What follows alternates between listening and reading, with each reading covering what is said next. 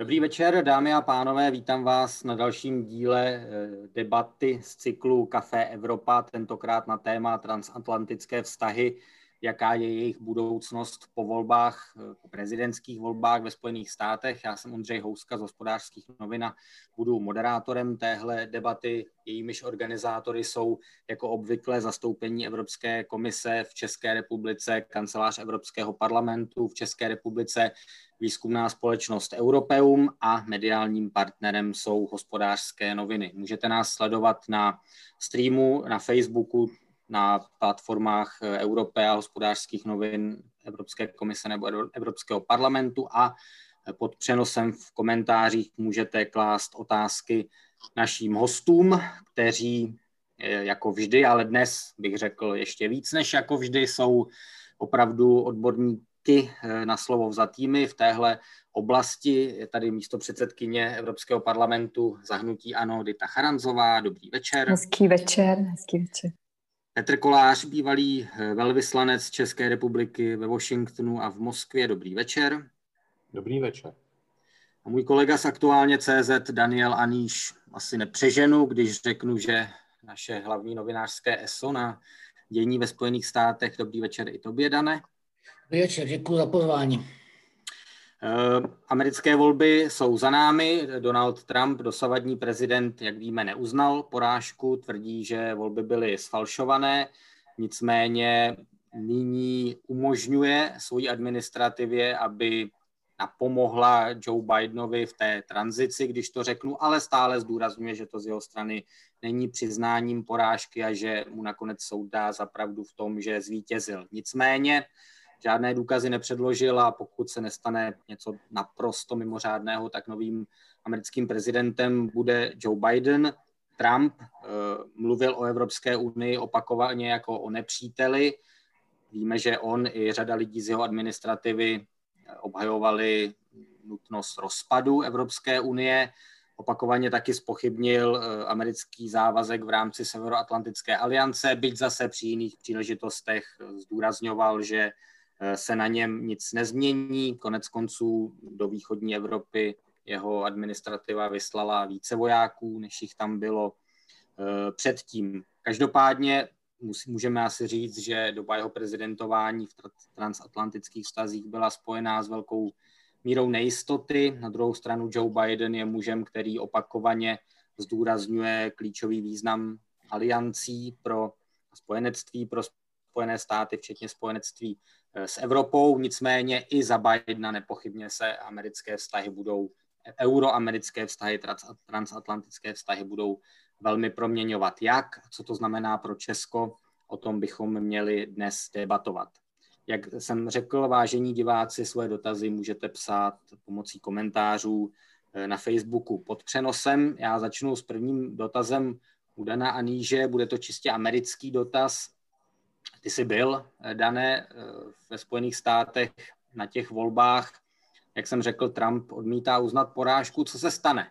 Je úplné sci-fi nebo není vyloučené, že on prostě odmítne opustit Bílý dům a 20. ledna, kdy má být inaugurace nového prezidenta, ho policie vyvede v želízkách nebo, nebo soudy mu nakonec dají za pravdu. Jak to podle tebe dopadne?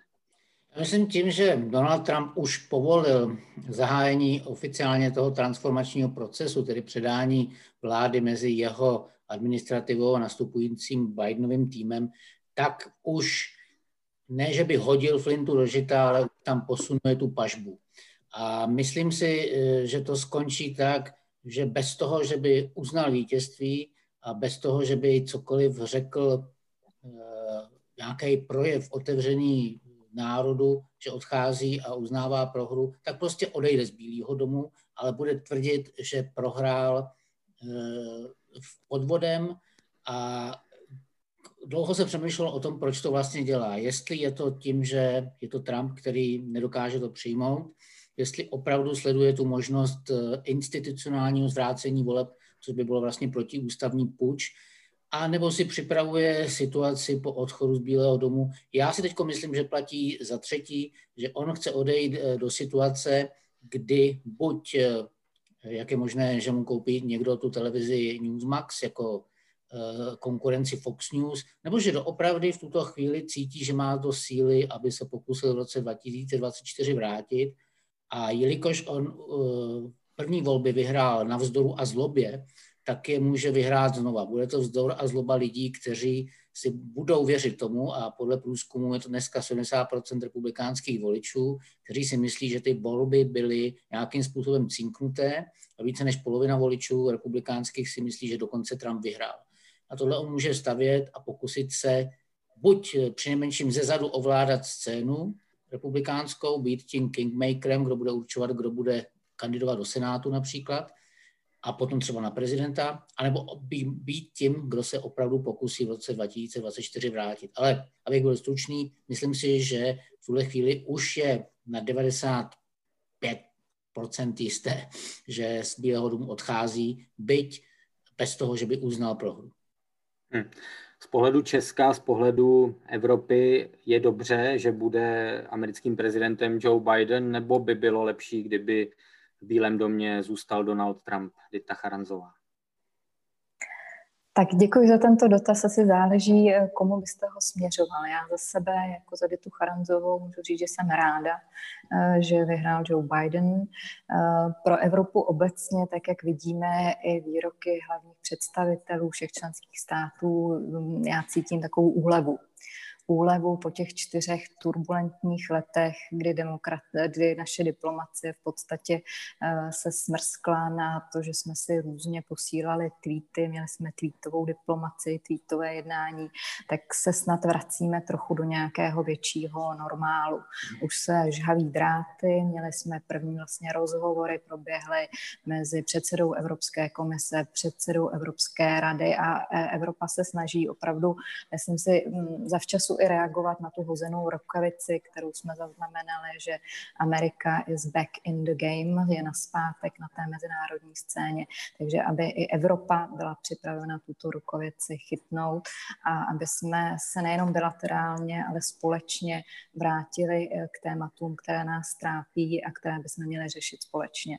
Ať už je to otázka bezpečnosti, klimatu, obchodu, témata, kterých se asi dotkneme dál v této debatě. Hmm za sebe jste odpověděla, taky jste zmínila, že lídři vlastně téměř všech zemí Evropské unie, až na několik málo výjimek vyjádřili radost, že prezidentem bude Joe Biden, tak nemůžu se vás nezeptat v téhle souvislosti.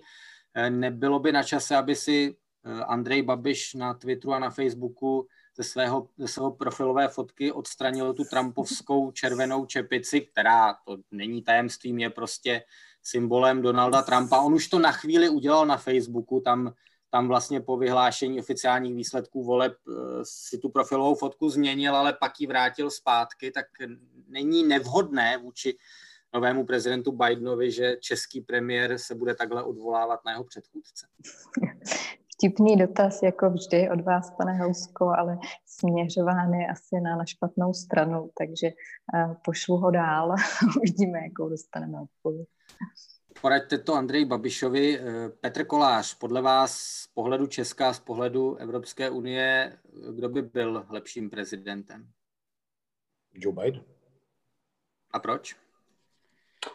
Tak Joe Biden je eh, přesvědčený euroatlantista, člověk, který má eh, docela hlubokou zkušenost a znalosti v mezinárodní politice, bezpečnostní politice. On, když eh, už byl senátor, tak se této oblasti věnoval. I v, té Obama, v obou Obamových administrativách se věnoval zahraniční a bezpečnostní politice a je to jeden z těch posledních mohikánů, takových těch skutečně přesvědčených euroatlantistů, z těch lidí, kteří investovali do toho, aby Evropa a Amerika byly eh, těmi nejbližšími spojenci. A je to vidět i v jeho okolí. Ty lidi, kteří, ti lidé, kteří s ním spolupracují, eh, tak eh, jsou to přesně ten, ten druh homo sapiens, ten tedy homo transatlantický. Já si myslím, že s Trumpem bychom asi my ve střední Evropě zažívali takový ten bláhový pocit, že se nám věnuje víc, protože my jsme byli pro něj užiteční jako trojiští koně, hlavně tedy Polsko a svým způsobem i Maďarsko, i když velmi specificky, tak z tohohle pohledu asi jsme mohli tady, nebo někteří naši spoluobčané mohli mít dojem, že jsme pro Ameriku blízkým spojencem, ale eh, ono to opravdu bylo spíš takové, že jsme byli eh, spojencem proto, abychom škodili, respektive ten Vyšegrad byl používán tak trochu jako irritant uvnitř Evropské unie. A jak říkám, nás se to tolik netýkalo a vlastně ani moc ne Slováku, ale hlavně Polska a Maďarska. No ale teď s Joe Bidenem si myslím, že my, kteří jsme tedy přesvědčenými euroatlantisty, tak máme šanci se znovu eh, vrátit k té eh, velmi těsné, těsnější spolupráci Evropy a Ameriky v tom nejlepším slova smyslu. Nemůžeme očekávat, že Joe Biden asi eh, najednou úplně všechno změní a otočí.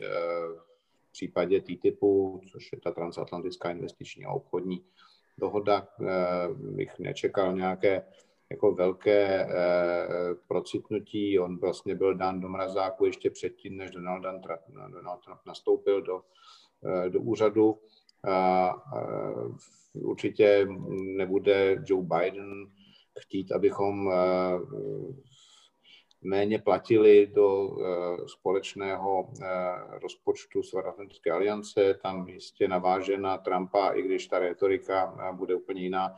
Já nakonec si myslím, že v mnoha ohledech vlastně eh, jako má na co navazovat. Já nejsem žádný Trumpovec, já skutečně vítám zvolení Joe Bidena eh, jako středového demokrata, kterému jistě eh, bude velmi blízké spolupracovat s řadou středových republikánů, ale zase chci být spravedlivý a myslím, že u Donalda Trumpa nakonec, tak jak jsem se děsil na začátku, když on nastoupil do úřadu a když jsem slyšel, co dělá a viděl, co dělá, Eh, tak mi z toho úplně naskakovala husí kůže, tak eh, jako když to hodnotím zpětně, tak eh, až na ten příšerný umělecký dojem a na to strašlivé jájinkovství a ten narcisistní, sebezahleděný přístup, tak tam je pár věcí, které si myslím, že stojí za, za pochvalu. Je to třeba z mého pohledu, teď mám sám za sebe, jeho blízkovýchodní politika a to, jak se nakonec Eh, díky eh, i tomu, jak se k tomu postavili jeho Spojené státy, nebo pod ní vedené Spojené státy, eh, dnes vyvíjí ten vztah Izraele některých arabských států. Takže tady jako je, je na co navazovat a myslím si, že u Donalda Trump, u Joe Bidena můžeme očekávat výrazný a viditelný odklon od takového toho nacionálního populismu, který reprezentoval Donald Trump a jeho guru a ideolog eh, Steve Bannon, když potom jako odešel, tak stejně vlastně jako úplně neodešel nikdy. On musel, protože řekl o Ivance Trump, že je blbá, ale eh, jinak vlastně zůstal tedy, eh, myslím si, dost blízko Donaldu Trumpovi. Takže z tohohle toho nacionalistického populismu spíš můžeme očekávat takový ten tradiční americký liberální internacionalismus, který snad nebude přehnaně se vracet k tomu multilateralismu, který bohužel taky někdy jako u těch eh, demokratů eh, v Americe toto pokušení tam bývá. No. Ale já si myslím, že pro nás je Joe Biden určitě lepší volba, tím myslím pro přesvědčené euroatlantisty, a z mého pohledu to dopadlo vlastně dobře, i když tedy je to neskutečný maglajs, co se tam teď děje a je to strašná ostuda především pro tedy Donalda Trumpa, ale poškozuje to i Ameriku celkově. Stejná otázka pro Daniela Aníže, pro Česko a pro Evropskou unii. Kdo by byl lepším americkým prezidentem, Biden nebo Trump? Tak e, bez zesporu Joe Biden, e, ale hned v tom jednom odůvodnění, co řeknu, je vlastně takové velké varování, že zase, e, když vycházím z toho, co jsem teď zažil v kampani v USA a vlastně jsem to cítil už v roce 2018, když jsem tam byl na kongresové volby, tak je, že se bavíte s Trumpovýma voličema a Trump bohužel dokázal prodat Evropu víceméně jako nepřátele, jako vyžírky, na které Amerika doplácí. A já vždycky, když mluvím o Trumpových voličích, tak eh, samozřejmě říkám, že v kampani se člověk střetává s těmi nejaktivnějšími a taky nejradikálnějšími, že eh, pokud jdete na Trumpovo schromáždění, tak je to určitě jiný vzorek, než je 80% jeho voličů, kteří nemusí být tak radikální. Nicméně Trumpovi se podařilo docela dobře ten vztah poničit, co se týče i veřejného mínění. Já si myslím, že to může jít rychle zpátky, že to nemusí navíc být eh, tak eh, široký, jak to působilo na mě v kampani, ale to je jeden z těch důvodů, proč já říkám, že Joe Biden je každopádně lepší, protože nebude už jenom pokračovat v této destrukci. A když to potom vezmu vyloženě eh, subjektivně a sobecky, tak to, co víme asi dopředu, je, že politika této administrativy americké bude hodně orientovaná na Německo. Eh, víc než eh, na Francii, eh, kde jim, myslím, koncept Macrona strategické autonomie příliš nevyhovuje a v tuhle chvíli pravděpodobně i víc než na Velkou Británii, která je nakonec už mimo Evropskou unii. A to pro nás může být jen dobře. Určitě si myslím, že tato vláda česká nevím, ať už bude potom pokračovat nebo ne, tak podle mě, podle mě to pro ní bude mnohem komfortnější pozice, než byla do posud, kdy tak jako se nám chtělo, nechtělo být, jak zmínil Petr Kolář tím trojským koněm, spíš nechtělo, ale v něčem jsme eh, zase například v názoru na imigraci byli velmi rádi na těch trumpovských pozicích. Teď si myslím, eh, že jelikož naším zájmu je být eh, blíže Německu než Polsku, z těch eh, nejjednodušších důvodů ekonomických, tak si myslím, že i z tohohle jednoduchého důvodu, eh, že Biden se bude chtít dohodnout s Němci, bude potřebovat, a nazájem se budou potřebovat, konec konců klimatický car John Kerry, to bude, ten bude podle mě v Německu furt, budou se bavit o větrnících a podobně. Teď to trošku zlehču, ale eh, myslím si, že ano, přes tu linku na Německo my teď budeme v lepší pozici i ve vztahu k USA.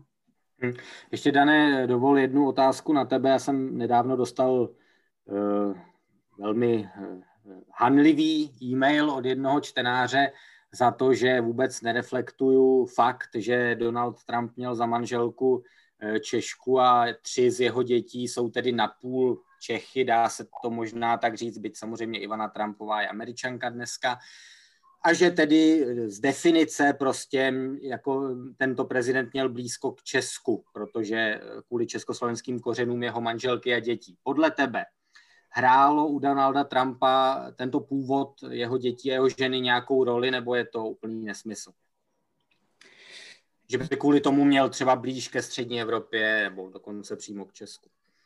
Já si to eh, nemyslím, protože ten vztah s Ivanou Trumpovou, s jeho první manželkou, není zdaleka ideální a z těch jeho dětí jedině Donald junior ještě měl nějakou vzpomínku na Česko, hezkou. Jezdil jsem za dědou, umí česky, přijde docela dobře, ale eh, pro Ivanku a Erika už to neplatilo. A myslím si, že zrovna kvůli eh, Ivaně Trumpové eh, Donald Trump žádný zvláštní vztah k Česku neměl byť málem prodal do Slušovic letadlo, jak jsem se dočet na začátku jeho prezidentství. Hmm. Ještě než se dostaneme k uh, různým aspektům transatlantických vztahů, jako jsou obchodní vztahy TTIP nebo, nebo bezpečnostní aspekty, uh, dovolte, abych se zeptal vlastně z druhého úhlu pohledu, protože v Česku, v Evropě často rozebíráme téma co ten či onen americký prezident udělá, je to dobře nebo špatně, že bude právě on prezidentem, jaké bude mít vztahy s Evropou a tak dál. Ale kdybychom se na to podívali naopak, co Evropa, potažmo Česko v posledních letech udělala pro to, aby euroatlantické spojenectví fungovalo, tak kritici by možná řekli, že dost málo. Víme, že zhruba jenom 10 eh, členských států Severoatlantické aliance plní tu dvouprocentní hranici nebo je k ní blízko. Česko je naopak na úplně druhém konci téhle škály a není to samozřejmě problém jenom současné vlády. Ten pokles, rapidní pokles českých zbrojních výdajů v poměru k HDP začal v době, kdy premiéra měla ODS. To je určitě potřeba říct. z vašeho pohledu, a začneme u Dity Charanzové, děláme dost v Evropě pro to, aby tohle spojenectví, které pro nás klíčové, prosperovalo? No, já kdybych se na to podívala, jak to vypadalo před pěti lety z, za Obamovy administrativy, tak všechny tyhle témata my jsme měli na stole ať už je to otázka výdajů na bezpečnost, ať už je to uh, deficit zájemného obchodu. Um, všechny tyto témata byly na stole, akorát, že my jsme si zvolili tu cestu diplomacie, vyjednávání, aby jsme tyhle témata upravovali si bilaterálně. Eh, Donald Trump to, co přines, byla prostě postavení, a pan Aniš to zmiňoval, ehm, pohled na Evropu jako nepřítele, soupeře, rivala a, a tímto způsobem vlastně všechno to, co jsme do té doby valili v formou nějakého dialogu, hodil pod stůl a, a přišli jsme v, v té obchodní oblasti třeba až do války, do toho, že eh, jsme si uvalovali cla navzájem, že máme eh, vleknoucí se spory o subvencích Boeingu, Airbusu a tak dál a e, byla, byla to spíš, bych řekla, válka než nějaký dialog. To, co já teď tady očekávám, je, že dojde ke změně této rétoriky. Jestli Evropa udělala dost, já myslím, že i v době Donalda Trumpa my jsme prostě přikročili k tomu jednání. E, víte, že tehdejší předseda komise e, Juncker vlastně jednal s americkým prezidentem, přistoupili jsme i na tu taktiku, že nepůjdeme cestou nějaké velké obchodní investiční dohody, že budeme dělat různé mini díly, aby jsme se snažili vzít v potaz zájmy Spojených států. Mimochodem tento týden na plenárce jeden takový mini díl na snížení eh, cel eh, schvalujeme. Eh, takže ta odezva tady z Evropy byla české strany si myslím, že my jsme vždycky byli v Evropě tím hlasem uh, uší transatlantické spolupráce. A je to vidět mimochodem, i bych řekla, na těch našich jednotlivých bilaterálních kontaktech, kterých máme, uh, že Mike Pompeo zavítal nedávno, byl ještě v Praze, premiér Babiš byl přijat v Bílém domě. Ehm, Česko například eh, si všichni pamatujeme kauzu ruského hackera, kterého jsme vydali do Spojených států. Takže si myslím, že Česko v celé řadě bilaterálních témat prokazovalo to, že transatlantická vazba je nám blízká, že ji chceme prohlubovat a, a, a tohle myslím, že, že, že na nále bude pokračovat eh, teď i s novou administrativou, kde já předpokládám, že se ta rétorika, rétorika změní. Ta možná malá reakce na to, co říkal Petr Kolář o tom T-typu, já vím, že se k tomu dostaneme, ale nemůžu si uh, neodpustit poznámku. Já si hmm. nemyslím, že T-typ byl v mrazáku, když eh, Donald Trump nastoupil do funkce. Měli jsme s ním problém v Evropě, ano. Já upřímně tedy za sebe jsem si oddechla, že to byli američani, kteří T-typ poslali do mrazáku. Ale v době, kdy Donald Trump nastupoval, měli jsme ty kapitoly jednotlivé rozjednány a i když nám to drhlo v, v jednání mezi státy, i když tady byla vlna nějaké, bych řekla, i občanské, um, občanských nepokojů, které lidé přestávají věřit obchodním do, uh, dohodám obecně, tak pořád to byla Evropa, která táhla víc ten prapor toho, že chceme otázky um, obchodu řešit v rámci nějaké ambiciozní dohody. A byl to Donald Trump, který, který, uh, který dohodu dal do nás. Hmm. K té typu se určitě ještě dostaneme. Já připomínám, dámy a pánové, kteří nás sledujete, že prostřednictvím komentářů pod přenosem můžete klást eh, svoje dotazy a zároveň odpovědět na anketní otázku, která zní takto. Vnímáte zvolení Joea Bidena pro transatlantické vztahy jako pozitivní nebo jako negativní? Eh, Veronika Neprašová se ptá Petra Koláře, dobrý den, nemůže, světové, nemůže světovému velmocenskému postavení transatlantického prostoru a tedy i Evropské unie, unie uškodit odchod Trumpa, který vždy vůči ostatním světovým mocnostem vystupoval sebevědomně z pozice jasné síly a tím touto silou do jisté míry zaštiťoval právě celý severoatlantický prostor? To je zajímavá otázka. Ona trošku předjímá jakoby odpověď. Eh, já tedy eh, Veroniku mm, asi trošku zklamu, protože já jsem to nevnímal tak, jako že by Donald Trump nás eh, svojí, ona to nazvala sebevědomou politikou, já bych to nazval spíš selfish, jak se to řekne, že, sobeckou. Sobeckou, děkuji. Sobeckou politikou, že by nás nějak podporoval. Já si myslím, že on to spíš, ono to někdy, na mě to někdy působilo jako, když máte nějakého, a teď promiňte, to není nic, čím bych hodnotil Donalda Trumpa, ale použij terminus technicus, který se v politice a v mezinárodních stazích používá už od leninských dob. Jako, já jsem ho trošku vnímal občas jako užitečného idiota, alespoň tedy na začátku jeho působení, kdy se mi zdálo, že v Kremlu si nemohou přát nic jiného a, a konec konců i prezident si, si nemůže přát nic jiného, a dokonce i Kim chvíli v Severní Koreji, než mít Donalda Trumpa v Americe. Ono se to naštěstí vyvinulo a vyvinulo se to, ale ne jenom proto, že to Donald Trump chtěl, ale protože byl opravdu pod neskutečným tlakem a to i domácí, domácí politiky a domácích médií Eh, takže pro něj bylo stále složitější eh, být, eh, řekněme, vstřícný vůči Putinovi, protože toho těch problémů, které s tím byly spojeny a s ním spojeny v Americe, bylo mnoho. Byl kvůli tomu, to se týkalo Ukrajiny, ale byl kvůli tomu málem impeachován, to znamená sesazen z úřadu a on si musel dávat hrozně velký pozor. V případě Číny zkusil to takovým tím eh, způsobem, který teda mě nepřipadal sebevědomý, spíše takový zvláštním způsobem podbízivý, eh, když prezidenta si hostil ve svém golfovém klubu a, a mluvil o něm jako o skvělém státníkovi a světovém vůdci, tak konec konců mluvil i o Kimovi. On používal rád taková ta velká slova, expresivní výrazy měl rád slovo huge, jako třeba, jako, že to je great a, a super a tak. Takže eh, mě, na mě to působilo tři, spíš trošku jako, že to je clown. Já se omlouvám Veronice, ale na mě ten člověk působil jako všechno možné, ne, jenom ne jako eh, člověk, který opravdu eh, chápe, co jsou ty hodnoty západní civilizace a jako někdo, kdo za ně eh, bojuje, někdo, o komu, komu o něj jde.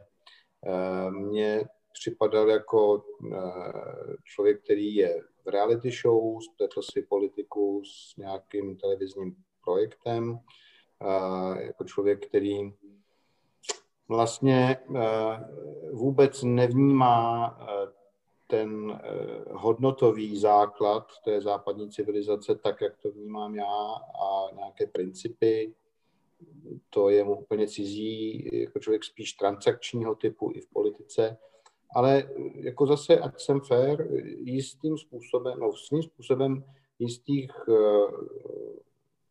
pro i Ameriku a nakonec i pro nás, pro je, spojence Ameriky, jistých výsledků dosáhl. Eh, já si myslím, že je dobře, že nám spílal za to, že neplníme své závazky eh, a neplatíme 2% eh, na společnou obranu tak, jak jsme se zavázali. Myslím si, že bylo i dobře, že huboval Německo za Nord Stream 2, jakkoliv je to hodně rozporuplné a z hlediska našich vlastních zájmů českých si myslím, že to není tak tragické, ale prostě z hlediska principu a logiky věci, myslím si, že bylo dobře, že vnesl uh, tuhle, uh, tuhle otázku do uh, euroamerických vztahů, ale uh, způsob, jakým to všechno činil, uh, to, jak se choval, jak urážel své tradiční spojence, nebo tedy tradiční spojence Ameriky, a to nemyslím jenom Eh, Terezu May a Angelu Merkel a nakonec vlastně i Macrona, který to s ním zkoušel nejdřív po dobrém, jako že jsou kamarádi, ale pak se dověděl eh, vlastně o sobě, že eh, co, co je, když vlastně neřekl nic jiného skoro, nebo jinými slovy to samé, co říkal Trump o NATO, že on říkal, že NATO je obsolít, že je překonané, zastaralé a Macron v jednu chvíli řekl, Eh, že má na to mozkovou mrtvici a díky tomu, možná to byla taktika, díky tomu prostě Trump začal mluvit úplně jinak. Eh, no ale on eh, byl schopen praštit telefonem australskému premiérovi, o kanadském premiérovi Trudeauovi, mluvit jako o Frackovi. A to se prostě mezi spojenci moc nedělá. Tyhle mravy nejsou asi vhodné pro to, abyste na tom něco stavěl. Takže na mě, abych to podtrhnul a nějak schrnul, na mě Donald Trump působil jako Eh, takový kabaretní herec třetí kategorie, který sice něčeho dosáhl, ale hlavně proto, protože jsme úplně přesně nevěděli, co s ním a protože jsme se snažili, myslím tím teď spojence Ameriky, k němu přistupovat trošku jako psychiatrickému pacientovi. To znamená, jako ne, nerozbít to úplně, abychom uh, měli na čem stavět, aby ty základy pro naši budoucí spolupráci nebyly úplně rozvrácené. Hmm. Danielu Anižovi položím tu původní otázku.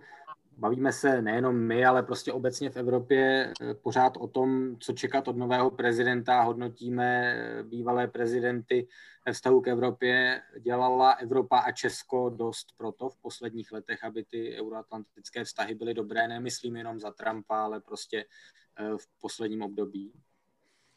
Když budu mluvit za Českou republiku a vládu hm, Andreje Babiše, tak si myslím, že ne, že eh, aspoň tak, jak jsem to slyšel z ministerstva zahraničí eh, českého, tak eh, vlastně tam nebylo zadání, opravdu pevné zadání ty vztahy nějak aktivně rozvíjet a hledat témata.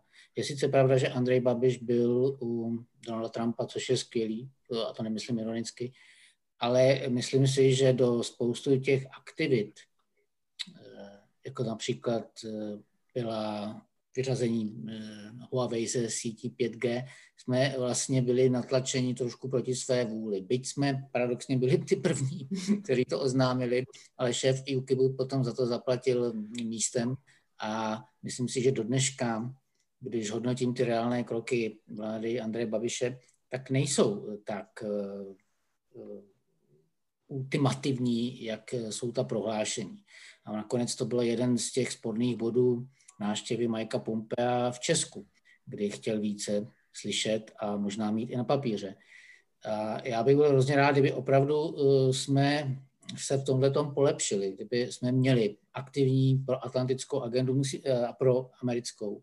Prostě musíme vycházet z toho jednoduchého, z té jednoduché věci, že my jsme ty, kdo musí něco nabízet, kdo, kdo musí se snažit ty témata s nima přicházet Není náhodou, že když si čtete teď všechny rozbory od eh, oznámení, že bude Anthony Blinken ministrem zahraničí, co to bude znamenat v Americe, eh, tak se tam Česko neobjevuje. Nejblíž, jak se to k tomu přiblíží, je eh, ke střední Evropě a pak se baví o Polsku nebo o Maďarsku.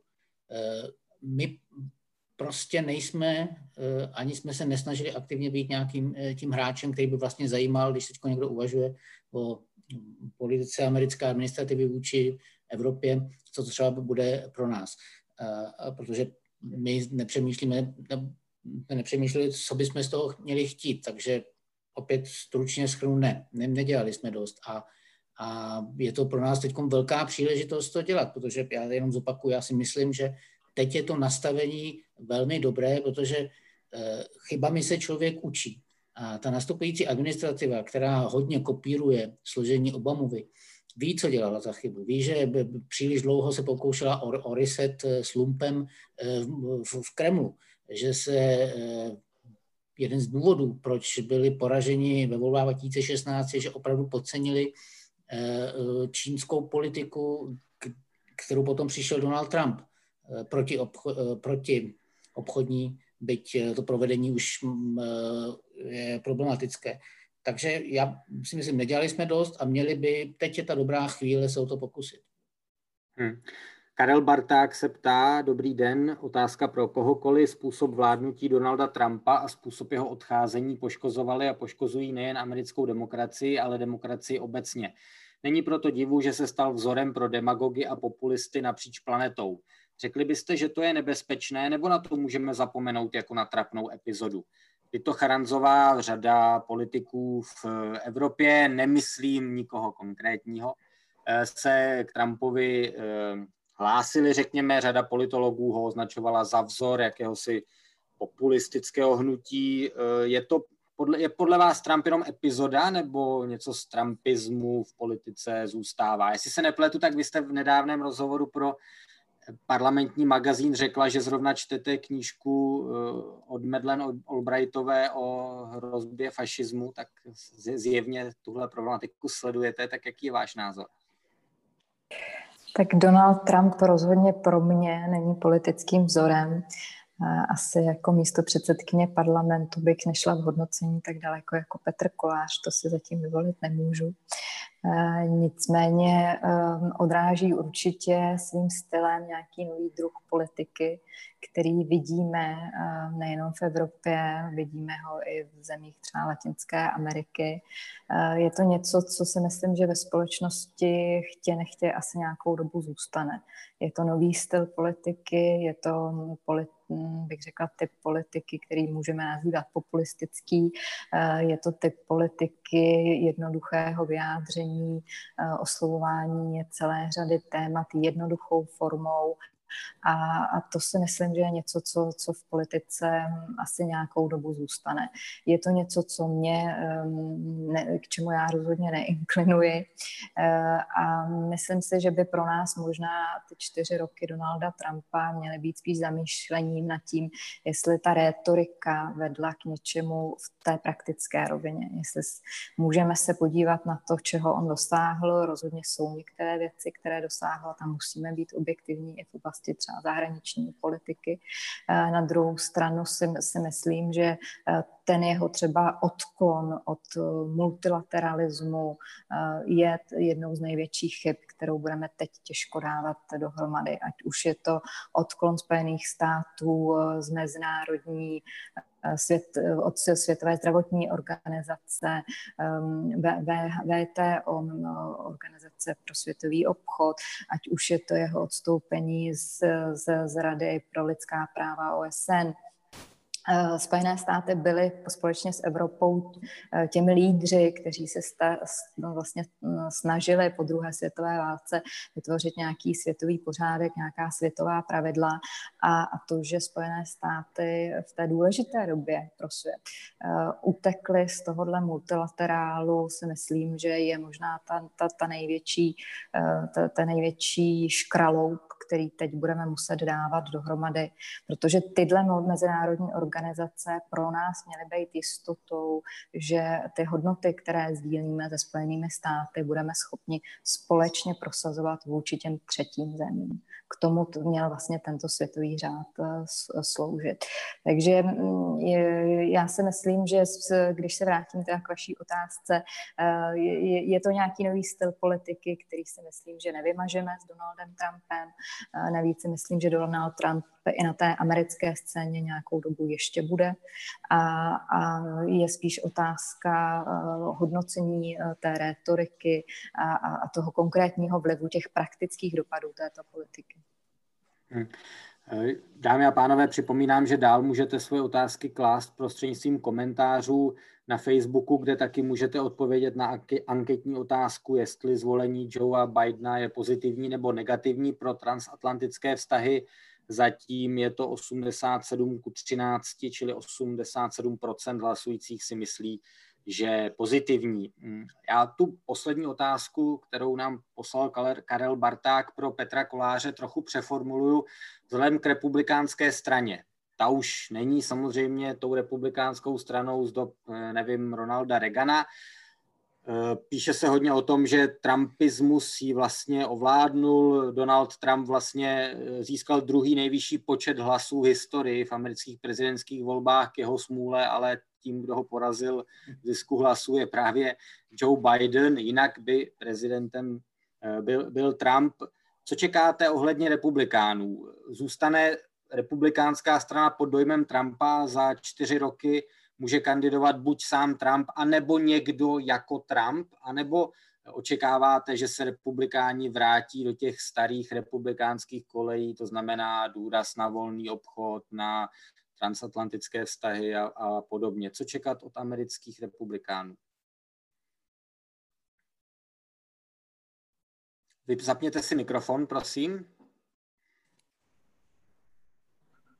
Děkuju, děkuju, děkuju. Omlouvám se, já jsem si to vypnul a, a zapomněl. Tak eh, za tuto otázku opravdu děkuju, protože eh, je z mého pohledu docela, docela eh, zásadní. Já totiž, a teď tady věštím z křišťálové koule, teď opravdu nevím, jestli to tak bude, nebude, mluvím spíš o svých dojmech a spekuluju. Jakkoliv samozřejmě tu svou spekulaci opírám o nějakou znalost toho amerického prostředí a i o to, jak se řada mých přátel v republikánské straně stavěla k Donaldu Trumpovi a k jeho zvolení a k jeho fungování. Eh, někteří z nich eh, se rozhodli eh, s, tím, že riskovali svoji vlastní pověst do té jeho administrativy se zapojit, proto aby, jak sami říkali, minimalizovali ztráty a škody, které z jejich pohledu Donald Trump mohl působit, hlavně v tom prostoru mezinárodně a bezpečnostně politickém a e, většinou na to doplatili. E, no, takže já teď e, sám si říkám, co bude Donald Trump dělat dál. V republikánské straně on byl svým způsobem na začátku enfant terrible. To bylo skutečně nechtěné děťátko zlobivé, které se tam tak jakoby dostalo zadními vrátky a pro řadu tradičních republikánů. To byl šok. Když si vzpomeneme, jak se třeba Donald Trump vyjadřoval o jednom z velikánů americké republikánské politiky a o jisté ikoně, eh, eh, která se prostě pro řadu Američanů eh, stala tou, tím symbolem hrdinství, John McCain, a mimochodem, myslím si, že nebylo žádné překvapení, že Cindy McCain, vdova po McCainovi, podpořila Joe Bidena ve volbách a ne tedy Donalda Trumpa. Eh, když si vzpomeneme, jak rodina Bushů eh, se stavěla k Trumpovi a eh, řada dalších tradičních republikánů, jaký měli, jaký měli problém s Trumpem, tak si musíme uvědomit, že prostě on opravdu není klasický republikán. To není, ne, že to není ten pokračovatel a člověk navazující na eh, Ronalda Reagana a na George Bushe staršího. To je prostě to je fenomen doby. On není, eh, nicméně ten trumpismus, to, no, to, to, co, že to Amerika je tak rozdělená teď, to není jeho práce. On je produktem toho rozdělení. To se prostě odehrávalo dost dlouhou dobu, to probíhalo Eh, a gradovalo a on toho využil, on do toho vstoupil. Takže to, co svého času, ještě když eh, třeba John McCain kandidoval proti Obamovi a vzal si eh, jako svoji možnou viceprezidentku Saru Palin, guvernérku z Aljašky, no, už potom nebyla, tak, tak to byl takový, jako, takový pokus John, toho John McCaina jakoby přiblížit se trochu té, tomu extrému v republikánské straně, tomu, to říkal Tea Party tehdy. Eh, Trump vytvořil eh, něco víc než je Tea eh, Party. Trump prostě se opravdu v rámci takového toho nacionalismu amerického, spojatého velmi populisticky, stal fenoménem a vytvořil trumpismus. A tady se obávám, že republikánská strana si tímhletím bude muset tímhletím martyriem projít, protože on teď, tak to, jak se teď chová, je zřejmé, že si připravuje půdu pro svoje další politické angažmá, které bude buď to z republikány, nebo proti ním. A oni se budou muset eh, rozhodnout, jak se k němu postaví. Eh, my se často bavíme o tom, co teď tedy Joe Biden, jak bude mít ve své straně to těžké, protože tam má extrémní levicové křídlo a nejsou to jenom eh, Bernie Sanders a Elizabeth Warren, jsou tam mnohem horší levičáci. Ale u republikánů bude eh, skutečně problém s tím radikálně, s tím zradikalizovaným křídlem a s těmi, s těmi eh, sfanatizovanými lidmi, kteří eh, se prostě zamilovali do Trumpa a do jeho stylu a nebudou ho chtít opustit. A když si ho republikáni nevyberou do těch příštích voleb v primárkách jako kandidáta, tak on bude kandidovat sám za sebe. Eh, nebo respektive za nějaké nové hnutí, které mimochodem Steve Bannon jezdí po světě a zakládá mezinárodní populistické hnutí. Takže je, tohle je vážná, eh, vážné téma, vážná otázka, protože on tím, že opustí Bílý dům, a to ještě nebude tak, tak jako samo o sobě, ale pokud tedy se to skutečně povede ho z, tam odsud nějak vynést, tak on tím nekončí. On v politice zůstane a bude, a možná si k tomu udělá i televizi svoji vlastní, to co já vím, co všechno on je schopen udělat, ale prostě bude tam dál škodit, protože já to neumím nazvat jinak, než škodit.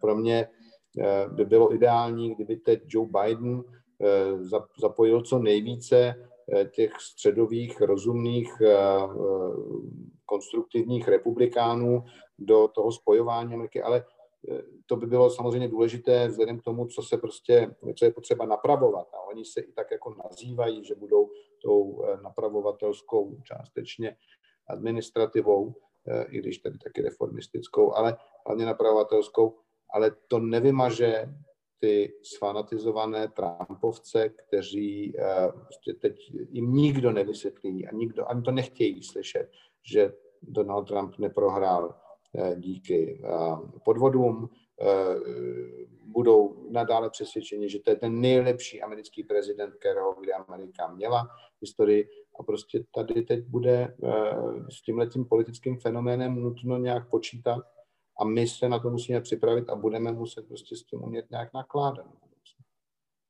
Hmm.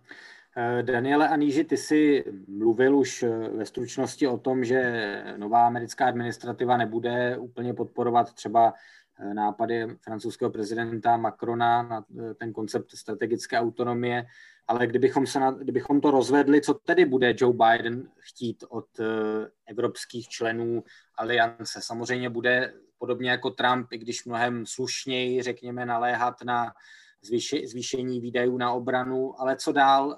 Američané tedy nepřijímají to, že Evropa by měla být schopná se bránit sama i bez jejich zapojení, když to bude nutné, nebo to naopak podporují v rámci NATO. Jak se k tomuhle bude Biden stavět? Já jenom ještě rychle doplním Petra Koláře na tu otázku Karla Bartáka, jestli republikáni jsou dneska Trumpovou stranou. Ano, já myslím, že v programu jsou, že například e, protiimigrační politika, e, která e, jde proti tomu, co například dělal Ronald Reagan, je dneska republikánská strana, protiobchodní politika je republikánská strana, republikánská strana je nafukování rozpočtu a státního dluhu, který už přestal být pro všechny důležitý, pro demokraty už byl předtím. Takže tomhle při nejmenším do kongresových voleb 2022 kdy republikáni budou chtít převzít i sněmovnu a jelikož budou Bidena blokovat, tak se jim to může povíst, protože pak řeknou, vidíte, co vám sliboval a co udělal? Nic. A bude to od nich cynický trik, ale takhle to už chodí. Takže myslím si, že v tomhle v programu zůstanou Trumpovou stranou. Pokud je ten program možný dělat bez toho driáčínského stylu, tak by byli rádi. Ale možná, že to spolu souvisí. Na tohle já sám nemám dobrou odpověď, jestli by Trump byl tak úspěšný, kdyby zároveň nebyl takový ten barmunský, jak byl. Eh, co bude chtít eh, Biden? Eh, bude chtít spolupráci. On to říkal. On na jednu stranu říká, že Amerika je zpátky, že se posadí na čelo toho stolu a Amerika nepovede silou, ale silou příkladů, což jsou všechno hezká slova, ale bude chtít například, co se týče čínské politiky. Tam on vyhlašuje opravdu, eh, že chce pokračovat v tvrdém politice vůči Číně obchodní, ale nechce v tom být sám, což je pro eh, Evropskou unii výzva a eh, příležitost, ale možná větší výzva, protože jsem docela zvědav, jak se tohleto podaří. Chtěl by, a to je docela podle mě taky oříšek, když mluvila poslankyně Chranzová o té multi, eh, já to nedovedu říct, ale víte, co myslí, myslím, talerismu, eh, tak oni chtějí hodně. Oni chtějí, oni by rádi propojili eh, zájmy Evropské unie se svými americkými a spojeneckými zájmy v Ázii, v, v Číně a Indii. Nazývají to hm, ten orchestr demokracií nebo summit demokracií, ale co jsem pochopil, tak to nemá jít o jednorázovou věc, jak, jakýsi řečnický klub, ale oni by opravdu chtěli, aby tam vznikly nějaké vazby, jež by propojili ty dva velké americké zájmy e, směrem na Evropu a směrem do Ázie, aby ten azijský pivot e, Obamův nebyl jednostranný. A to jsou třeba dvě věci, kde si myslím. No a samozřejmě v rámci NATO hm, tam to bude hrozně zajímavý, protože v tomhle tom jim Trump ukázal cestu. Musíte opravdu použít byč na Evropany a pak začnou poslouchat. Samozřejmě ta první reakce je na naší straně české, eh, to ještě snad přišlo před volbami, eh, takže když se bude škrtat, tak se bude škrtat v rozpočtu obrany. Eh, podle mě by byla za stranu Evropanů hrozně nezodpovědný a myslím si, že by to byla jedna z věcí, kde i v rámci Bidenovy administrativy by se oddělalo bude oddělovat zrno od plev. Že to, na tomhle tom budou chtít, byť eh, ne, nebude tady vyset eh, zase eh, ty fantasmagorické výzvy k opuštění NATO ze strany Donalda Trumpa, ale nakonec v důsledku ty výdaje začaly reálně stoupat. To je hmm. ty tři věci, které mě hned napadají. Zeptám se tedy Dity Charanzové, co čekat od Evropské unie. Jak řekl Daniel Aníš, Biden asi bude pokračovat v tom nastolném kurzu vůči Číně, i když zase méně, řeknu, polácky, a bude chtít na rozdíl od Trumpa, který se prostě vyhýbal nebo pohrdal aliancemi, se v tomto spojit s Evropskou unii. Je to, je to představitelné? Nebo Evropská unie se bude chtít udržet někde mezi těmi dvěma giganty, Amerikou a Čínou, hlavně kvůli obchodním zájmům, nemyslím tím nějaké spochybňování vojenského spojenectví. A, a druhá věc, Evropská unie v rámci NATO, budou podle vás pokračovat ty zatím velmi, řekněme, umírněné nebo, nebo slabé nebo bezvýznamné možná až tendence k posilování společné evropské obrany, nebo bude platit to, co vždy, že se na tom hledá na něčem substantivnějším v rámci Evropské unie členských zemí schoda velmi těžce? Hmm. Um, já bych tomu řekla jednu věc. Pan Aniš, když zmiňoval v tom předchozím vstupu vlastně eh, vztahy mezi, mezi Amerikou, Německem a Francií, tak ono, ať už se jedná o, o bezpečnost nebo obchod, tak nejdřív my si musíme opravdu udělat pořádek, co, jaká bude ta finální pozice celé Evropské unie. A, a tady já osobně mám určité obavy a veřejně to říkám, že za ty čtyři roky, jestli nás Trumpova administrativa k něčemu v Evropě v podstatě donutila, je k tomu, že máme více myslet na sebe a ta retorika té větší suverenity Evropy, větší autonomie, já tomu někdy říkám Europe first, Evropa na prvním místě, je čím dál tím víc patrná napříč politickým spektrem v Evropě. A um, ono v něčem je to dobré. Určitě, když se podíváme třeba na tu zdravotní krizi, kterou tady máme, jako máme závislost na dovozu léků z třetích zemí a tak dále, tak tam rozhodně to třeba smysl dává.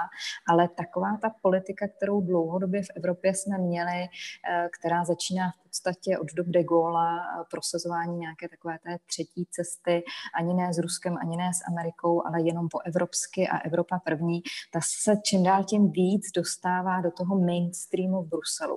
A to si myslím, že možná bude ten kámen úrazu, že ta Trumpova administrativa nás v podstatě donutila tu většin, většinové, bych řekla, politiky v Bruselu začít uvažovat víc, víc o sobě. Vidím to dnes a denně na jednáních, které, které teď máme, o čemkoliv se rozhoduje, ať už je to z hlediska fungování průmyslových politik, vnitřního trhu a tak dále.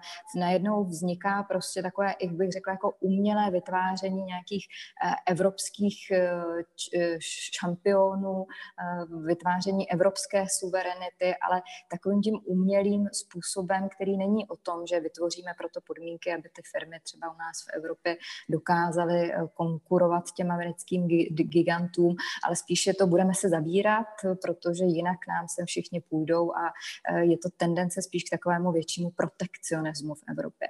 Takže to určitě je, je třeba moje obava z toho, jak se Evropa teď bude chovat eh, k nové administrativě. Ono konec konců už jsme první přestřelku a tím se vlastně dostávám k té druhé otázce té bezpečnosti viděli přes média vlastně mezi Francií a Německem Německem, kdy, kdy Francie bez ohledu na to, že, že tady máme tedy nadcházejícího prezidenta, který volá po, po větší spolupráci s Evropou, tak Francie na, naopak přitvrzuje v té retorice více soběstačné Evropy i v oblasti, i v oblasti bezpečnosti. Víc možná, než ještě jsme slyšeli třeba před dvěma, před třemi lety. Ta reakce Německa samozřejmě nebyla pozitivní. Německo chce využít této příležitosti, chce více jednat eh, s novou administrativou a více utužovat tu transatlantickou eh, linku. Takže teď bude nejvíc záležet na tom, jak si poskládáme ty karty eh, sami v Bruselu, který z těchto proudů víc převáží. Co se týká Číny, tam je to v podstatě obdobné, protože ehm, jak Evropská unie, tak Amerika vnímáme rostoucí váhu Číny, ale každý k tomu přistupujeme trochu jinak. Eh, Trumpova administrativa eh, k tomu přistoupila, bych řekla, takovým tím byčem, jak jste to i sami nazvali, zatímco Evropa, a to je vedeno spíše Německem, které má velké ekonomické zájmy samozřejmě v Číně, k tomu přistupuje formou většího dialogu, vyjednávání, takže máme první dohodu s Čínou o třeba geografickém označování zboží, eh, mm, zrychlujeme jednání o investiční dohodě s Čínou, takže je to spíš prostřednictvím nějakých jednotlivých dohod, než to vyhrotit do nějakého byče a nějakých sankcí. Takže bude zajímavé i to, jestli se nám v téhle oblasti podaří najít společnou linku eh, s, s, no, s novou americkou administrativou, protože tak, jak já vnímám eh, třeba postoj i, i demokratů k Číně, tam já nevidím v tuhle chvíli, že bychom zaznamenali nějaký větší odklon od té Trumpovy rétoriky. Hmm. Ještě než dám prostor dotazům vašim, vážení diváci, které nám chodí, zeptám se eh, Petra Koláře, co by měla podle vás Evropa teď dělat ve vztahu k Bidenově administrativě nebo v rámci transatlantických vztahů. Objevují se názory, že prostě chtě nechtě i za Bidena Evropa ztrácí důležitost pro Spojené státy, že prostě jeden z nejbohatších celků na světě je absurdní, aby se spoléhal na to, že ho bude bránit někdo jiný a měl by tedy zvýšit svoje obrané kapacity a, a schopnosti. Na druhou stranu jiné názory říkají, to by bylo nebezpečné, narušovalo by to transatlantickou vazbu a tak dále. Jak to vidíte vy? No, co by měla Evropa udělat? Eh, co nejdřív začít eh, normální kultivovaný dialog. Eh, Američané, a to teď mluvím o těch Bidenových typech, nebo o, o lidech jako Biden, přesvědčení euroatlantisté přece přestože vnímají narůstající vliv Číny a, a přestože tedy jsou nuceni s tím něco dělat, tak eh, nebudou eh, se chtít eh, zbavit tradičního spojence, kterým je Evropa, kterého oni si sami vytvořili.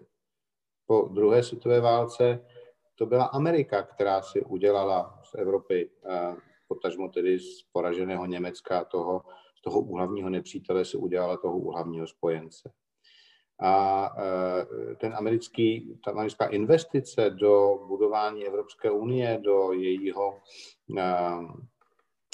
rozšiřování eh, do Severoatlantické aliance, to přece dělali jako investici do eh, sebe sama svým způsobem. I my, my bychom neměli tak snadný přístup do Evropské unie a do Severoatlantické aliance, kdyby za náma nestala Amerika, která to vnímala dobře, správně, jako rozšiřování prostoru svobody, demokracie, eh, stability a prosperity.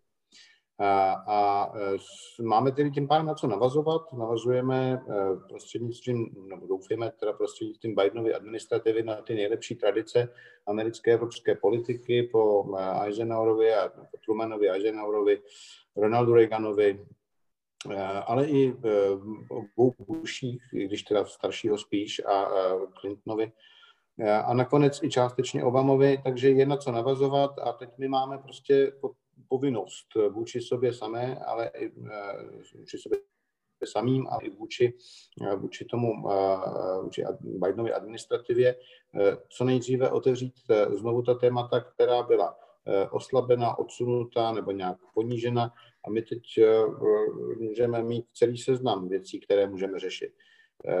Vycházíme z toho, že Joe Biden je sám člověk, který se v zahraniční politice orientuje velmi dobře, jak jsem to říkal, má za sebou řadu chyb, při své inteligenci a při tom, kdo, kdo ho obklopuje, by bylo zvláštní, kdyby se z nich nepoučil. Byla to Obamova administrativa první, ve které Joe Biden byl viceprezidentem, která přišla s ten vztahu s Ruskem a víme, jak to začínalo a víme, jak to končilo. A určitě i co se týče Číny, i když jako Obama už ke konci své druhé administrativy e, začínal přitvrzovat, tak e, předtím to tak úplně nebylo. Taková ta orientace na Ázii a na Čínu na začátku iritovala nás, Evropany, a dokonce někteří Evropané, hlavně z té východní části, napsali otevřený dopis Obamově administrativě, aby na nás nezapomínal a soustředil se přes ten Pacifik, ale eh, nadále i přes ten Atlantik. Eh, no a víme, jak se to vyvinulo, takže Joe Biden byl při něm účastníkem toho a bylo by zvláštní, kdyby z těch chyb, které se tehdy děly, se nepoučil. Bere si sebou do administrativy lidi, kteří jsou pro nás dobře známí a čitelní. Vypadá to, že Anthony Blinken bude minister zahraničí. Vypadá to, že Sullivan bude v Národním bezpečnostním poradcem, že tam budou lidé jako uh, Flournoy, uh, my teda říkáme Flournoyová, to je asi strašný, ale já s tím překlinám to nějak. Uh, no, takže to jsou, to jsou všechno uh, jména a lidi, o kterých víme své, víme, co od nich můžeme čekat. Prostě pochop, uchopme to jako obrovskou příležitost a dělejme všechno možné pro to, ať to eh, období, které teď máme za sebou, ty čtyři roky, které byly konfrontační, kdy jsme byli označováni, myslím teď Evropskou unii, kdy jsme byli označováni eh, prezidentem Spojených států za nepřítele, nejenom za konkurenta, ale on nás v podstatě srovnával s Čínou, eh, tak prostě to opravdu teď zkusme úplně z opačného konce uchopit a navázat na to nejlepší, co bylo předtím. Eh, nemyslím si, a myslím, že teď jako nevím, jestli interpretuju to, co říkala Dita Karanzová, eh, úplně správně, ale eh, nemyslím si, že ten obrat bude úplně jako k multilateralismu. Já jsem jeden z těch, který jako mě, mě vůbec nevadilo, že Donald Trump vyhuboval Světové zdravotnické organizaci, protože mám výrazné pochybnosti o tom, co se dělo kolem covidu, respektive korony a, a jak se k tomu stavila Světová zdravotnická organizace k Číně a tak dále. Takže myslím si, že je dobře, když Amerika umí taky bouknout pěstí do stolu a nenechává se jenom dojít a, a dělá ze sebe takového toho dobráka, který si nechá všechno vybít. Takže stavme se k tomu tak, že to je obrovská příležitost a nasaďme na to všechny svoje nejlepší síly.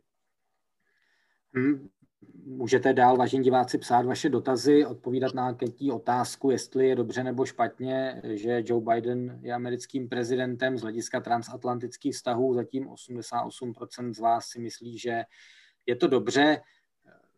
Na tuhle otázku nechám odpovědět Daniela a níže Jiří Mládek eh, píše, jestli je vlastně reálné, že by Trump za čtyři roky kandidoval znovu už proto, že by zase stál proti Joe Bidenovi a jestli se někdy v historii stalo, že vlastně se ten duel opakoval, že za čtyři roky proti sobě kandidovali stejní politici. A možná tedy rozšířím tu otázku o to, jestli Biden vůbec za čtyři roky bude kandidovat, bylo by mu, táhlo by mu na 82 let, čímž vůbec nechci říct, že už by byl příliš starý, ale mm, objevují se spekulace samozřejmě, že, že on sám řekne, že už po druhé kandidovat nebude. Takže došlo někdy v dějinách ke stejnému nebo k repríze duelu a bude Biden za čtyři roky vůbec kandidovat, dané?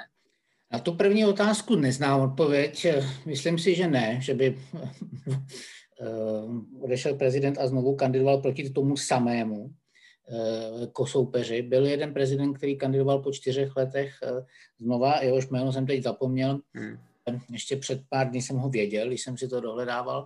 A ta druhá otázka, ono se to nestane, protože Joe Biden nebude znova kandidovat. Já, ano, věk je jenom číslo, ale v případě Joea Bidena je ten věk cítit. Ten, kdo má Joe Bidena před očima, když odcházel z Obamovy administrativy a když teď začal dělat kampaň, tak on zestárl rychleji, než byly ty tři a půl nebo tři roky. A on sám v kampani naznačoval, že bude eh, prezidentem jednoho volebního období. A eh, mě sama přinutila jedna moje čtenářka se vsadit o šampaňské. Tvrdí, že Joe Biden ani nevydrží ty, to celé období. A byl to jeden z argumentů mimochodem, na který velmi slyšeli Trumpovi voliči, proč říkali a pak nastoupí levicová Kamala Harrisová a fungovalo to. Fungovalo to, protože měli v kampani Joe Bidena před očima. Takže já si myslím, že k tomu souboji nedojde, ale to, že eh, Donald Trump může kandidovat, já jsem ještě před 14 dny jsem si myslel, že to není reálné, že to jeho spochybňování voleb opravdu spěje k tomu, že se pokusí eh, ty volby zvrátit a vyvolá ústavní krizi.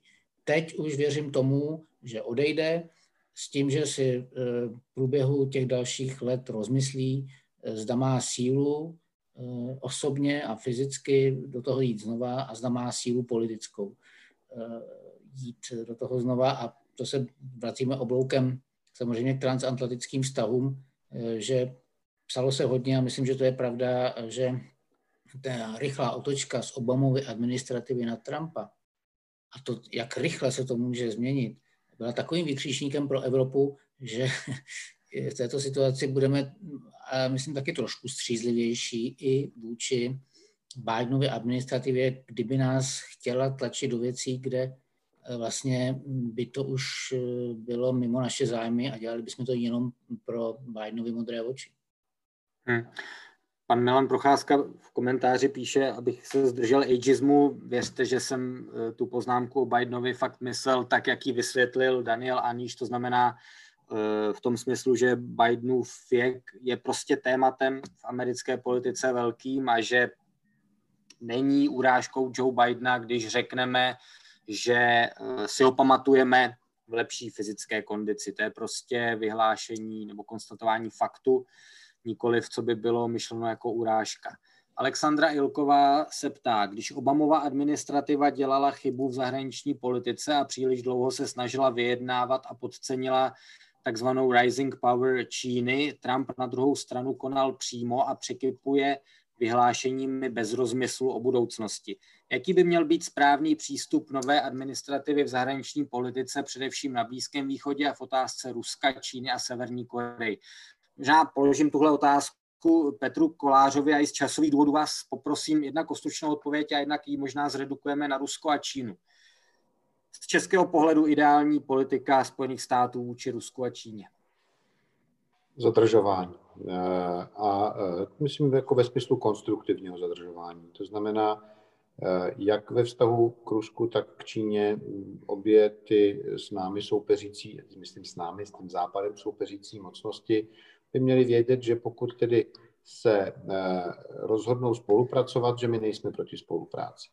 Ale že to musí být spolupráce založená na eh, vzájemné výhodnosti a ne, ne, ne, ne, ne tak, že nás budou eh, tlačit do kouta, vydírat, zastrašovat.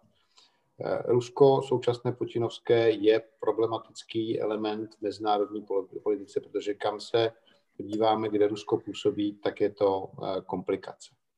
Eh, začneme Gruzií, můžeme pokračovat Ukrajinou, Sýrií, Líbií, eh, Arménií. Je to vždycky prostě problém pro nás, pro Západ. Ale není to soupeř v tom velmocenském slova smyslu. Je to mocnost, která se snaží o nějakou restauraci své vlastní síly, ale víme, že na to nemá. Nemůže nás porazit ani ekonomicky, eh, ani vojensky. Eh, o to víc nám škodí hybridními formami svého vlastního válčení s námi, to znamená hlavně dezinformačními kampaněmi a, a, a využíváním trojských konů mezi námi. Čína to je jiná kategorie, to je prostě mocnost, která stoupá, roste, její mezinárodní ambice mají světový charakter, a e, prostě ta konfrontace je zřejmá. Na ten její apetit e, být tou určující silou světovou v tomto a příštím, v tomto století a možná tisíciletí je zřejmý. A tady je prostě potřeba, aby Amerika opravdu se svými tradičními spojenci se snažila hledat e, racionální přístup, jak tomu zamezit, aby nás Čína jednou prostě ne, nedostala tam, kde nás chce mít. Takže a, jako to bych mohl dál rozvádět, je tam spousta dalších aspektů, ale prostě asertivní politika, která je založená na vzájemné výhodnosti, a zvědomím toho, že prostě musíme je zadržovat, aby, aby jsme si je nepustili do kožíšku příliš. A je to v otázce eh, jak eh, jaderné energetiky, eh, prostě nesmí nám tady stavět elektrárny ani Číňané, ani, ani Rusové, tak v otázce 5G, prostě kde Huawei prostě nesmí být připuštěna do 5G v Evropě. Hmm. Eh, další dotaz položím teď Dytě Charanzové. Eh, dobrý den, zajímalo by mě, jakým způsobem se podle vás budou vyvíjet transatlantické vztahy v rámci otázky ochrany životního prostředí. Víme, že Trumpova administrativa se distancovala od podepsání pařížské dohody a od té doby Trump stavěl ekonomické zájmy USA nad, nad ty globální environmentální. Myslíte si, že s, Bidenovou, s Bidenovou administrativou se obnoví vztah USA k plnění klimatických závazků a například dojde k prohloubení vztahu s EU v rámci rozšíření dalších budoucích řešení, například environmentální migrace a podobně? Rozhodně, já si myslím, že tohle je to téma, kde uvidíme opravdu změnu v zahraniční politice Spojených států. Joe Biden to i během té kampaně vlastně deklaroval návrat Spojených států k pařížské úmluvě a, a tady spíš teď budeme očekávat další kroky vlastně před konferencí COP26 příští rok v Glasgow, s jakou pozicí tam přijdou Spojené státy. Tohle určitě bude hudba pro, pro většinu um, čelních představitelů e, Evropské unie, protože víte, že environmentální otázky jsou jednou z hlavních témat, na které se Evropa v tuto chvíli soustředí um, nejenom teda ve své vlastní, bych řekla, evropské interní politice, ale i v bilaterálních vztazích na mezinárodní úrovni a tak dále. Takže rozhodně tady se nám vrací partner, s kterými budeme moci to téma táhnout společně, ale i vůči těm třetím zemím.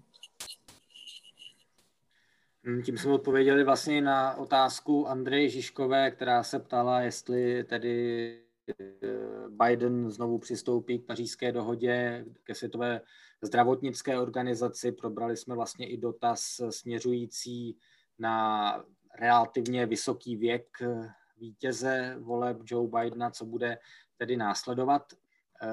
Položím další dotaz eh, Danielu Anížovi, jen co ho tady najdu a už ho mám. Existuje riziko, že s Bidenem uh, bude mít větší vliv extrémní levice, hnutí Black Lives Matter a Me v Americe a potažmo i v Evropě? Možná to můžeme přeformulovat tu otázku, jak velký vliv bude mít tohle radikálně levicové křídlo demokratické strany, o kterém už mluvil Petr Kolář, na Joe Bidena, který je jinak prostě středovým politikem, můžeme říct. Eh, nebude to s Bidenem, protože on sám by byl uh, radši, kdyby to nebylo, ale ta reálná situace je taková, že to křídlo posílilo, posílilo právě za poslední čtyři roky Donalda Trumpa hnutí Black Lives Matter nabylo tak na síle eh, ve srovnání s rokem 2013, kdy vzniklo, a já si to pamatuju, protože jsem to celkem podrobně sledoval, tak letos požadavky toho hnutí a ten záběr je úplně někde jinde, než byl opravdu před těmi pěti, šesti lety. A také, když se člověk kouknul na profil toho hnutí, tak to eh, bylo už pestrobarevné, to nebylo většinově černožské, tam bylo hodně a je mladých bílých lidí. Samozřejmě jeho podpora klesla s tím, jak volali po definancování policie. Nicméně ta hádka, která se strhla těsně po volbách, kdy demokrati měli oslavovat svého prezidenta a začali se hádat, proč se jim nepovedly volby do kongresu, do sněmovny reprezentantů, středové křídlo s tím progresivním, tak ukázala, že to není nějaké vnitrostranické kočkování o výši daní zda 5 nebo 10% ale o základní věc, když středoví demokraté řekli, nezlobte se, ale kvůli vašemu volání po definancování policie a, a školám zadarmo a všeobecnému zdravotnímu pojištění, což jsou opravdu v amerických eh, poměrech eh, radikální požadavky. Naši někteří demokraté prohráli, tak eh, jim progresivní odpověděli, ne, oni tam seděli se svým programem jako kachny na odstřel a Black Lives Matter není náš nepřítel, všeobecné zdravotní pojištění není náš nepřítel. A progresivní kaukus má dneska ve sněmovně 100 členů, což je skoro polovina demokratického sboru. Netvrdím, že všichni jsou radikální, zdaleka ne, ale to, že Joe Biden bude například ve své politice či, eh, obchodní, ve své politice vůči Číně, a myslím si, že eh, asi se nedostane na TTIP, ale že Elizabeth Warrenová bude sakra dobře hlídat, jak, by, jak všechny tyto dohody budou vypadat, to je úplně jisté. A že mají reálný vliv, je vlastně zrcadle podobné, jako má dnes Trump Trumpův radikální stisk vliv na republikánskou stranu eh, podobné mm, ve smyslu, že už tam ten vliv je, ne v tom, že by to ovládali. A, takže ano, bude, bude, bude to, Joe Biden se bude muset ohlížet přes rameno, co tato část demokratů říká. Hmm. Donald Trump v naší anketě na Facebooku mírně stáhl náskok Joe Bidena. Už 14% z vás si myslí, že Joe Biden, jeho zvolení je negativní pro transatlantické vztahy, 86% si myslí, že pozitivní, dál můžete hlasovat. Pojďme k další otázce. Milan Procházka se ptá, v jakém stavu je NATO? Euroatlantické vztahy po Trumpově kůře, pokořeněné ambiciozním Tureckem s, s pochybným vztahem k našim hodnotám. Může být takové společenství pro nás ještě zárukou, Petře Koláři? V jakém stavu je NATO? Tak já myslím, že na to není ve špatném stavu. Na to je něco jiného než Evropská unie. A mimo jiné tedy i mezi řadou euroskeptiků stále ještě na to má svoji dobrou pověst. Jistě má své vnitřní problémy, zmíněno Turecko. My si vždycky jenom musíme položit tu otázku tak, že na to, je, na, na to stejně jako Evropská unie, stejně jako většina toho, co eh, je, jsou mezinárodní organizace, to je dílo lidské, není to dílo božské, takže to nemůže být dokonalé a nikdy to dokonalé nebude. A si musíme říct, jestli je pro nás lepší třeba v případě Turecka mít Turecko uvnitř, eh, než ho mít vně. A já stále zastávám názor, že jakkoliv je Turecko problematický partner, tak stále je to spojenec a máme ho mít uvnitř, eh, než abych viděl, jak se eh, sultán objímá s carem, tak radši prostě budu, budu někdy se skřípěním zubů si říkat, že musíme to s Tureckem zkoušet dál a dál a dál. Je to strategicky a, a i z mnohých důvodů důležité, aby Turecko zůstalo uvnitř aliance. Eh, já si myslím, že na to eh, má šanci teď i s tou nastupující administrativou se znovu nadechnout, eh, že znovu tam ten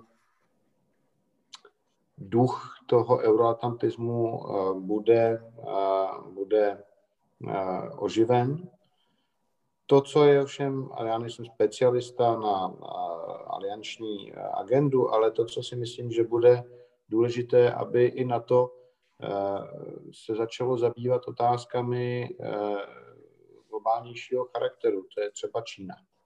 A to si myslím, že ta, i ta nová administrativa eh, bude po nás chtít. Tak jako to bude chtít po Evropské unii, tak i v rámci aliance. Tato debata bude asi znovu otevřena nebo respektive bude pokračovat, protože už ta Trumpova administrativa v alianci tohle téma nastolovala. Určitě se budeme muset jako aliance zamýšlet i nad tím, zda tedy ta naše, to naše uspořádání vnitřní má být postaveno na těch dvou pilířích, které jsou, nebo na dvou nohách, které jsou schopné Eh, samostatné aktivity. Eh, to, o čem eh, tady už dneska byla řeč, ta Macronova vize, jestli to je opravdu něco, co nás může poškodit, nebo naopak, jestli je dobře, aby i pro Ameriku Evropa byla z hlediska obrany samostatnější a aby se dokázala i bez zapojení Spojených států a Kanady starat o bezpečí v Evropě, případně ve svém nejbližším okolí aktivněji. Eh, to jsou všechno témata, která jsou eh, legitimní a která je potřeba, abychom eh, řešili společně s Amerikou, aby to nebylo bráno tak, že když se Evropa bude chtít trochu více soustředit na bezpečí ve svém nejbližším okolí, že nutně a nebude prostě požadovat, aby Amerika nebo ta Kanada a Spojené státy se do toho angažovali víc, takže to nebude vnímáno jako naše odtrhování se nebo jako nějaké posilování naší autonomie, ale spíše to, že jsme uh, už uh, do, natolik dozráli a dospěli, že víme, že si uh, musíme umět ten pořádek ve svém okolí umět zajišťovat sami, i když třeba Amerika bude mít jiné priority.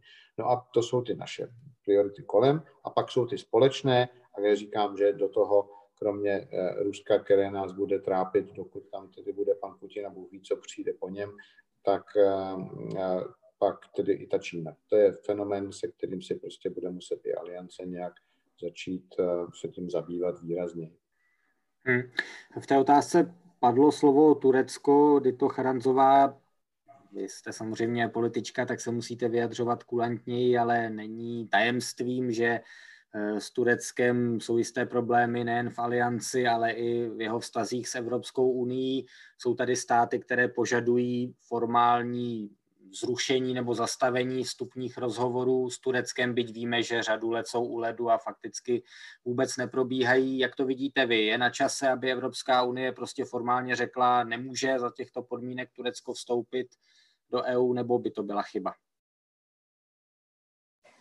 Já jenom eh, krátký komentář k tomu, co řekl Petr Kolář k NATO a stáhla bych to k Evropské unii. NATO pořád stále je garantem bezpečnosti v Evropě. Toto Evropská unie nenahrazuje, v blízké budoucnosti nenahradí. Já si troufnu tvrdit, že ani v dlouhodobém horizontu to, to, toho nebude schopná. Takže proto je naším cílem z hlediska bezpečnosti setrvávat ve spo, v Severoatlantické alianci a maximálně se snažit aspoň tedy otupit ty rány, které tam v tuto chvíli mezi některými člen, členy máme.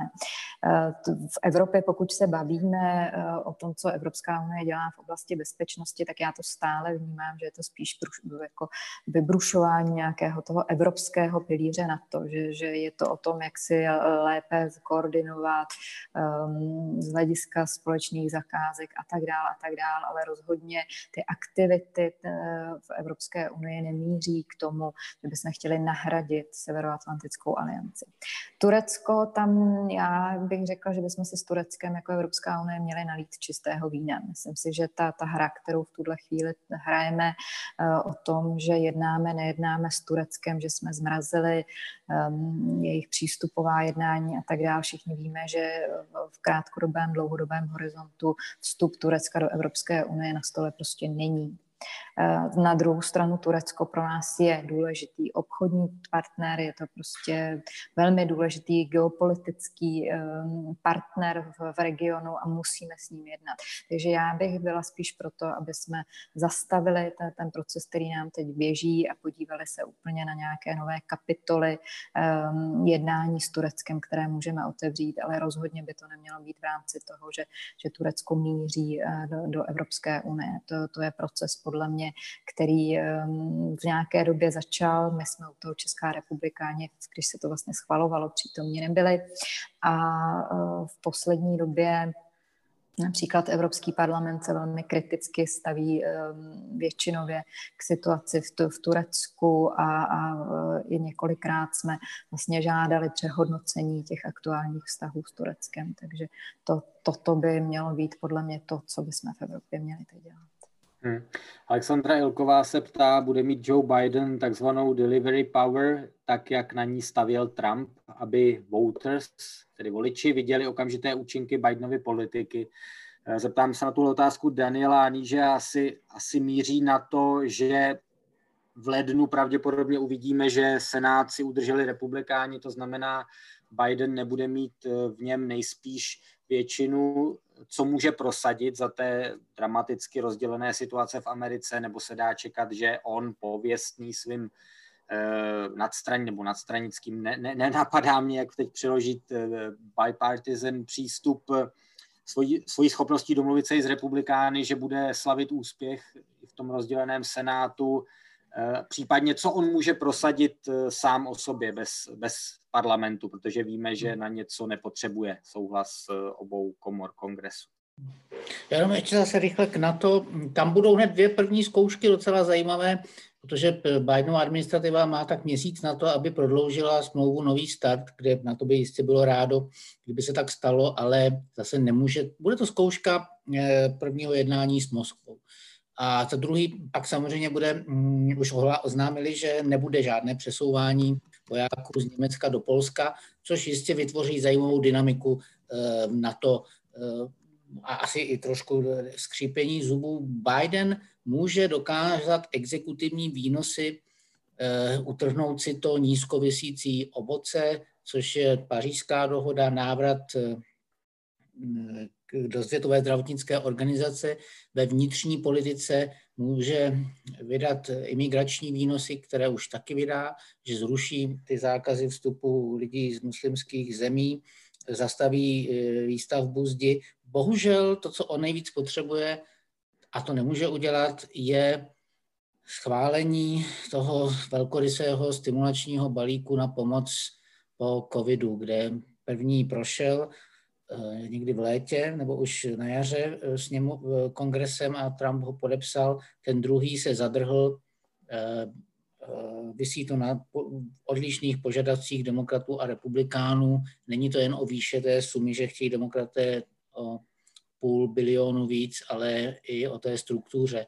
Tam se musí dohodnout, ale mm, protože předpokládáme, že Senát bude v rukou republikánů, tak eh, bude to pro něj velmi těžké a když to zkrátím, Joe Biden neprosadí nic, co nebude nějakým způsobem vyhovovat právě i republikánům. To, že ten stimulační balík musí přijít, to vědí všichni, protože teď v polovině prosince vyprší ty předchozí eh, dotace a lidi nebudou opravdu mít čím platit účty za energie v USA ale vrátím se k tomu, a ne, Biden bohužel pro něho nemůže uh, protlačit nic z rozpočtově, co uh, mu neschválí kongres. A to bude, to bude hrozně limitovat. A já myslím, že taktika republikánů bude vyhrát kongresové volby 2022, to znamená to Bidenovi co nejvíc nepříjemnit. Hmm. naší anketě to dopadlo 86 ku 14 v procentech, tedy Eh, v tom smyslu, že zvolení Joe Bidena je pozitivní pro transatlantické vztahy, byť pan Milan Procházka nám píše, to je fake výpočet, stejně to Trump vyhrál, tak věřte, že to není fake, stejně jako není fake eh, výsledek voleb přímo ve Spojených státech.